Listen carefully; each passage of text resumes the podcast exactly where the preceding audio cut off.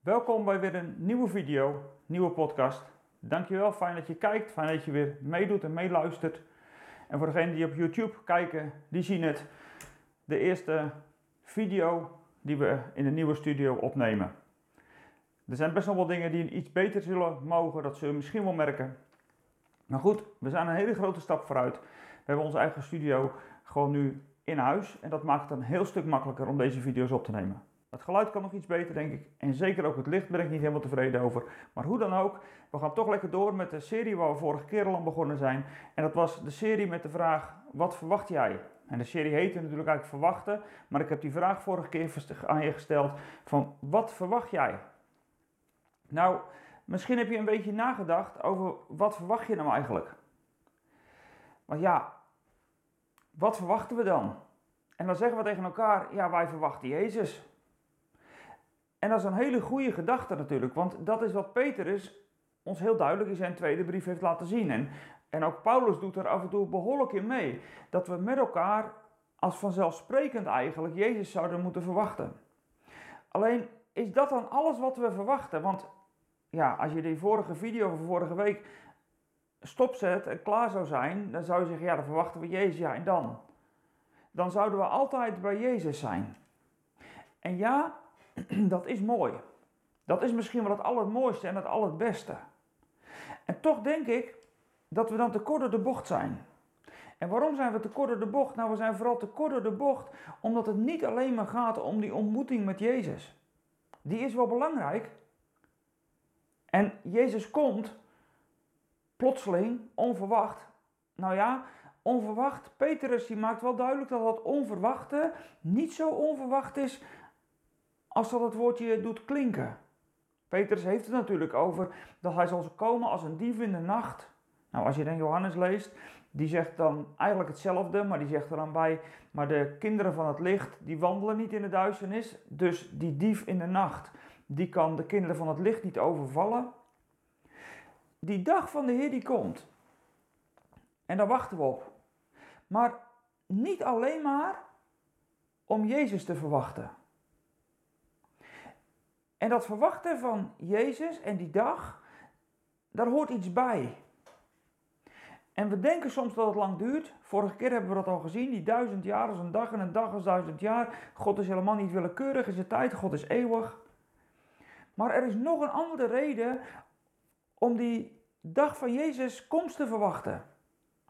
En Petrus die maakt dat heel duidelijk in de brief die hij heeft geschreven, zijn tweede brief en dat laatste hoofdstuk. Dan zegt hij het heel duidelijk waarom dat we het verwachten. Er is namelijk een reden dat Jezus terugkomt. Niet alleen maar om jou te ontmoeten. Maar het zal de dag zijn waar alle dingen nieuw gemaakt zullen worden. En als je Petrus leest, dan merk je dat Petrus een kantelmoment in zijn tekst aanbrengt. Hij schrijft verschrikkelijke dingen over die dag dat Jezus terugkomt. Over vuur en over smelten en over, nou ja, een verschrikkelijk oordeel lijkt het te zijn.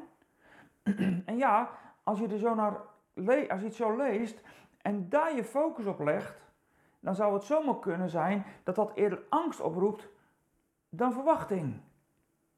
Maar als je Petrus goed leest, dan heeft hij het helemaal met die woorden als vuur en smelten helemaal niet tegen jou als gelovige. Nou, ik lees het laatste stukje van dat hoofdstuk met je. Ik ben de vorige keer bij 2 Peter 3 bij vers 9 gestopt. Toen vond ik het voor de vorige keer wel genoeg. Ik lees hem nu even vanaf vers 10. En dan zul je zien dat er een kantelpunt in die tekst zit om jou te bemoedigen, omdat Jezus niet komt met vuur en met zoveel hitte dat alles zal smelten, om jou daarmee angst aan te praten. Maar die woorden van Petrus zijn gericht op iemand anders. En niet op jij die in Christus Jezus bent. 2 Petrus 3 vers 10. De dag van de Heer zal komen als een dief. De hemelsferen zullen die dag met een luid gedruin vergaan. De elementen gaan in vlammen op. De aarde en alles wat erop is, dat zal verdwijnen. En als dit allemaal op die manier te gronden gaat, hoe heilig en vroom moet u dan niet leven?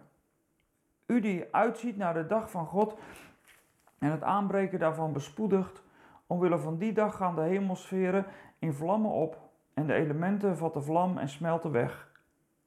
Maar wij vertrouwen op Gods belofte en zien uit naar een nieuwe hemel en een nieuwe aarde waar gerechtigheid woont. Dus Petrus schrijft hele barre woorden over die dag dat Jezus terugkomt. En dat, dat is echt een verschrikkelijke dag, zou je kunnen zeggen. Maar in dat woordje maar, en dat zit dan vooral in vers 13, maar wij, en dan zou je de nadruk misschien moeten leggen op het woordje wij, om dat, verschil aan te duiden tussen degene voor wie dat een verschrikkelijke dag zal zijn, diegenen die niet hebben geloofd. En dan zegt Petrus, maar wij verwachten naar zijn belofte een nieuwe hemel en een nieuwe aarde. Maar wij verwachten iets anders. Wij verwachten helemaal geen angstige dag. Sterker nog, we weten, tenminste, ja, dat weten we wel. Zoals het hier nu is, kan het niet blijven. Die dag dat Jezus terugkomt is niet alleen de ontmoeting met Hem, maar het is ook dat Hij de hemel en de aarde nieuw zal maken. En alles wat daar niet zuiver is, dat zal wegsmelten en wegbranden. Zodat God alle dingen nieuw kan maken. Dus wij verwachten niet alleen Jezus om Hem te ontmoeten, maar wij verwachten die dag ook, zodat alles wat nu gebroken is en alles wat nu kapot is, dan nieuw zal kunnen zijn. Het is goed om daar gewoon even over na te denken en het tot je te laten doordringen. Die komst van Jezus is veel meer dan alleen maar de ontmoeting met Hem. Hij, hij is geen tijd aan te verspillen op dit moment. Dat hebben we de vorige keer al gezien. Maar hij is ik kan niet zeggen dat, dat God ongeduldig is, maar God is wel verlangend naar die dag. Omdat hij zijn schepping en vooral zijn kinderen de allerbeste schepping wil geven die hij bedoeld heeft. Die van Genesis 1 en 2 is verloren gegaan. En die wordt dan nu nog bewaard tot die dag als een soort schat. En die aarde die blijft wel bestaan en die hemelsferen ook. Maar wat erop is, dat zal, dat zal vergaan. Dus God gaat geen nieuwe aarde maken, maar hij maakt wel straks alle dingen nieuw. En God, hij is niet willekeurig in tijd, hebben we gezien. Hij is eeuwig. Hij is ook niet ongeduldig, maar hij is wel intens verlangend naar die dag. Daarom zegt Jezus ook, als de zoon van God, daarom zegt hij dat hij spoedig terugkomt. Hij heeft het echt ook met woorden waarin hij het verlangen uitspreekt. Van, ik kom spoedig terug. Ik kom alle dingen nieuw maken. En ondertussen zou je misschien denken, nou dat is mooi dat we dat verwachten, maar wat dan nu? Moet je dan nu passief maar wachten? Nou, je weet dat ik niet van passiviteit ben, helemaal niet zelfs. Ik heb er eigenlijk een verschrikkelijke hekel aan, aan passiviteit. Ik wil je ook niet activistisch in beweging zetten en gaat allemaal zo hard mogelijk werken, want je verdient niks. Je kunt niks verdienen bij God. En toch, en dat zegt dat zegt Petrus in dit hoofdstuk. Als je het verder leest, dan, uh, dan zegt hij dit volgende nog, in, vanaf vers 14. Omdat u hier naar uitziet, geliefde broeders en zusters, moet u zich inspannen om smetteloos, onberispelijk en in vrede door hem te worden aangetroffen. Bedenk dat het geduld van onze Heer uw redding is. Dat heeft ook onze geliefde broeder Paulus geschreven met de wijsheid die hem is geschonken. Hij schrijft dit overigens in alle brieven waarin hij dit onderwerp ter sprake brengt. Daarin staan, eh, staat een en ander dat moeilijk te begrijpen is en dat door de onwetende en de onstandvastige mensen stevast wordt verdraaid tot hun eigen ondergang. Dat doen ze trouwens ook met de overige geschriften. Petrus zegt dus, terwijl dat wij wachten en verwachten, gaat het er wel om dat we smetloos en rein leven. Nou zou je kunnen zeggen dat smetloos en rein leven, en hij noemt natuurlijk Paulus. Nou, er is zo'n gedeelte van Paulus in de Filippenzenbrief, Filippenzen 3, het laatste gedeelte van hoofdstuk 3, daar heeft Paulus het precies over diezelfde dingen. En dat maakt nou precies duidelijk hoe dat die verwachting van ons, niet alleen maar in het afwachten en hopen dat, die, dat Jezus zo snel komt, maar Paulus maakt daar ook gelijk heel duidelijk waar het nou in dat verwachten over gaat.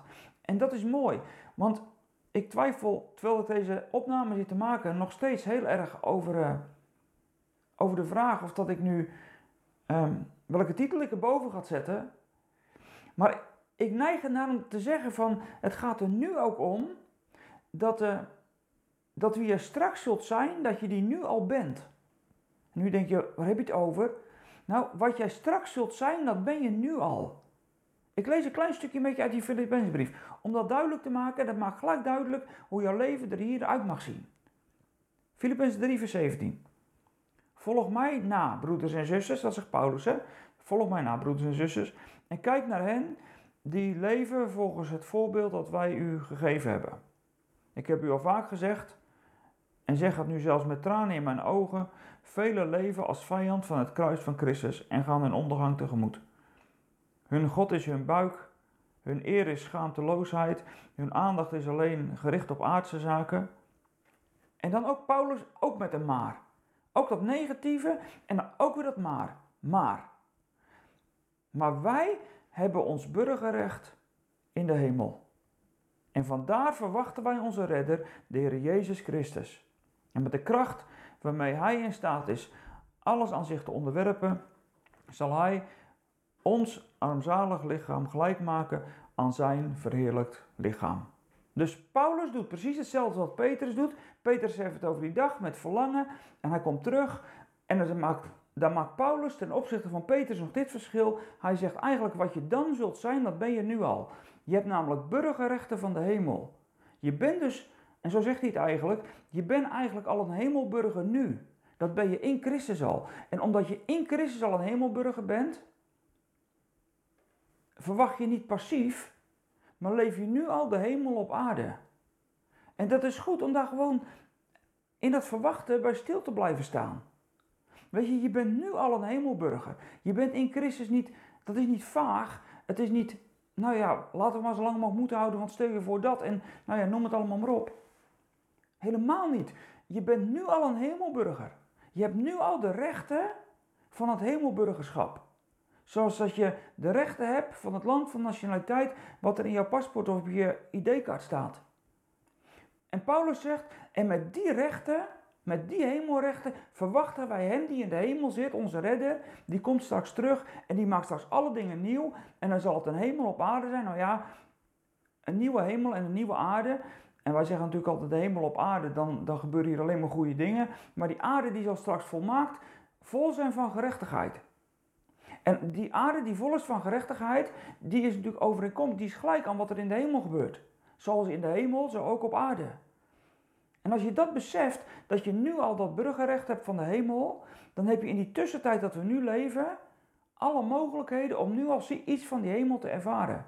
Zodra dat je hemels leeft, ga je vanzelf merken dat je ook die hemelse ervaring hebt, hoe het straks zal zijn. En natuurlijk, dat is allemaal ten dele en in gebrokenheid, maar dat is wel de realiteit waar het over gaat. En ik hoop dat dat landt bij je. Dat je zegt van ja, maar we verwachten Jezus, we verwachten, verwachten een nieuwe hemel en een nieuwe aarde. En dan, dat is, dat is één en twee. Eerst Jezus, nieuwe hemel en nieuwe aarde, dat is twee. En dan de derde, we leven nu die nieuwe hemel al. Als een hemelburger op aarde. En die hemel en die nieuwe aarde waar straks gerechtigheid zal wonen, dan zal alles zuiver zijn. Maar nu in je nieuwe schepping die je nu al in Christus bent, doordat je in Christus al een hemelburger bent, heb je nu al die kracht in jou gekregen. En daar begint Petrus in zijn tweede brief, het eerste hoofdstuk, ook al over. heeft God een kracht in jou gelegd, waardoor jij in staat bent om het goede te doen.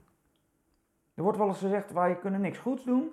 Nou, Petrus, lees hoofdstuk 1 maar op door van zijn tweede brief. Petrus maakt heel duidelijk dat al het goede wat we kunnen doen, daar hebben we alle kracht voor gekregen. Dat wat God van ons vraagt, dat kunnen we doen omdat we de kracht hebben gekregen, omdat we in Hem zijn. En zo leven we aan de ene kant in verwachting dat Jezus komt in ontmoeting. We verwachten dat Jezus komt en Hij maakt alle dingen nieuw. En deze wereld zal fantastisch worden.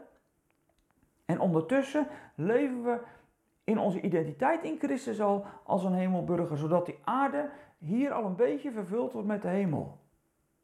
En zoals dat de Hebreeënbrief het schrijft over de wonderen en tekenen die nu in deze tijd gebeuren, dat dat lichtstralen van de toekomende tijd zijn, zo mag ook jouw leven een lichtstraal zijn van de toekomende tijd in deze donkere tijd. In deze tijd waarin deze aarde nog vol is van gebrokenheid en onrecht, op deze aarde mag jij Gods recht en gerechtigheid uitleven op aarde. Want dat komt voort uit jouw burgerrecht wat jij in de hemel hebt. Jij bent geen aartsburger meer, maar jij bent een burger van het hemels koninkrijk. Een opnieuw geboren mens is een burger van het, hemel, van het koninkrijk der hemelen. Het koninkrijk der hemelen. En niet het koninkrijk der aarde. Die koninkrijken hier staan haaks op het koninkrijk van de hemel. En vanaf jouw nieuwe geboorte heb jij een nieuwe identiteit gekregen. En ook een nieuwe identiteit als het ware in jouw paspoort voor God. Je hebt een hemelse identiteit gekregen. En die mag je nu al leven, zodat jouw leven een lichtstraal mag zijn van de tijd die komt, dat Jezus straks terugkomt en alle dingen nieuw maakt. Als een getuigenis voor de mensen om je heen, dat is één. En twee, om nu al te mogen ervaren dat die hemel, die straks werkelijkheid zal zijn in die nieuwe aarde, waar hetzelfde zal gebeuren als in de hemel, volmaakt, om daar nu al iets van te ervaren. Zodat je bemoedigd onderweg mag zijn, hoopvol en uitziet naar de dag dat Jezus straks terugkomt en het zal maken zoals dat het bedoeld is. Waarvan jij nu al een stukje mag leven. Nou, ik hoop dat deze video jou bemoedigt in jouw verwachting. Dat het je ook een stukje onderwijs geeft wat je misschien nieuw is, of misschien dat het een keer herhaald wordt voor je. En denk van oké, in Christus ben ik dus ook nog een heel, ja, dan ben je ook nog een hemelburger. En wij verwachten Jezus, we hopen op een nieuwe hemel en een nieuwe aarde. En als die hemel, dat troonzaal dan van God is, dat laat ik maar even rusten nu. Of dat het alleen de hemel is, de lucht waar we tegenaan kijken. Ik denk dat alles nieuw wordt. Maar goed, dat is, een, dat is, dat is denk ik een keer een aflevering apart om daar nog wat over te zeggen.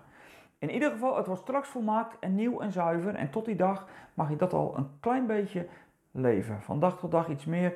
We worden van dag tot dag vernieuwd. En door de kracht die God in jou heeft gelegd door zijn geest, ben jij in staat om als een hemelburger hier op aarde te leven. En iets van de toekomende tijd door te geven en te ervaren.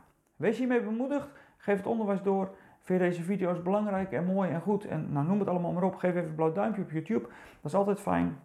En voor degenen die ons financieel steunen, daar zijn we heel dankbaar voor. Je ziet nu de studio die we nu hebben, dat we een heel eind op weg zijn. Nou, er zijn best wel wat details die beter kunnen. Ik zei het aan het begin van deze video al. Maar fijn dat je ons gesteund hebt met je gift. Want daardoor is het allemaal serieus echt mogelijk geweest. Anders had het echt niet gegaan wat we nu dan doen zijn. Dankjewel daarvoor. En voor degenen die ons financieel willen blijven steunen. Want ook onze kosten gaan gewoon door. Dat snap je ook wel. Nou, dat vinden we heel fijn als je ons financieel steunt. Goed, bedankt voor nu. En ik zou zeggen, heb een goede week in verwachting, in verlangen en leef als een hemelburger. En ik zou zeggen, tot volgende week.